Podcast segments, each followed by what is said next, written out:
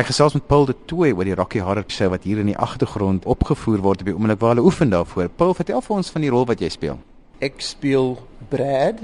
Dit is die quintessential nerd as ek daai term kan gebruik. En ek geniet dit verskriklik baie want al die al die ander ouens moet werk aan koreografie en hard sing en al daai tipe van goed, maar ons het besluit ons speel my karakter reël. So ek kan nie dans nie en ek hoef nie al die harmonies te leer nie. Dit is baie lekker.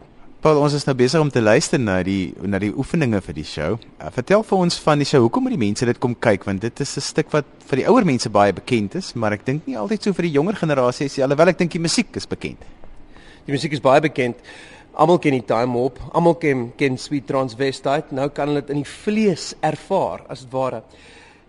Mense ken obviously die Rocky Horror Picture Show baie goed. Dis die dis die movie wat op die play gebaseer is. Hierdie is die Rocky Horror Show en this is the most fun you can have with your clothes on or off. Ek weet hulle beplan dat die mense kan 'n bietjie aantrek vir hierdie show as hulle kom kyk. Daar's 'n paar aande wat hulle kan bietjie kom pret hê. Mense is nogal geneig om heel meegevoer te word met hierdie show. Hoekom is dit so? Dis 'n tradisie wat met hierdie play ontstaan het. Een van die redes wat mense gee is oor die editing van die movie so bad is dat hulle al daai gapings moes vul met interaksie. Maar dit nou gebeur. Ek het die ehm um, bly al 'n paar keer gedoen en gehore raak regtig betrokke. Hulle trek soos karakters aan in die show. Daar's heeltemal 'n hele dialoog wat aangaan tussen gehoor en akteurs en dit is soveel sports vir gehoor om te ervaar. Dis absolute malligheid en dis regtig nie iets om te mis nie. Wat is die uitdaging vir jou as akteur? Ons ken jou nou as 'n televisieakteur, verhoogakteur, maar hierdie is nou 'n musical. Ons weet jy kan mooi sing. Uh, wat is die uitdagings vir jou en wat is die lekker deel van die rol? Die uitdaging is altyd as jy van een media genre na die ander toe spring.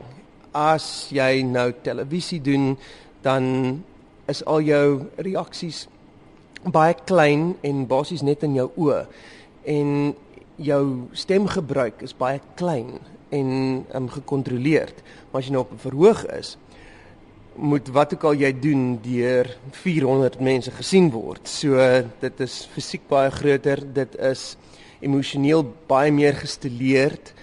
Die stemgebruik is obviously baie sterker. En dit vat nogal 'n paar partykeer 'n uh, 'n uh, 'n bietjie tyd om myself te herinner waar ek myself nou moet plaas. Want as Milan Koster op hierdie verhoog uitstap, dan gaan dit regtig nie werk nie. Die ander kenmerk van die stuk is is dat 'n mens nie baie klere aan het nie. Die vervaltens ek jou karakter het nou nogal, maar die ander op die stadium nie. Die klere raak al hoe minder hier na die einde toe.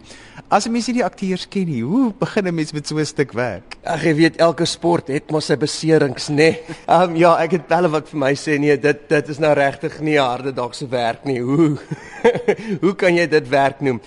Man, dit dis so dis so lekker groep akteurs hierdie wat saamwerk. Ons het almal so goeie verhouding en ehm um, dis die lekker deel van hierdie play. Die die boodskap is dit maak nie saak wat jy is nie of wie jy is nie of hoe jy is nie. Solank jy net true is aan jouself.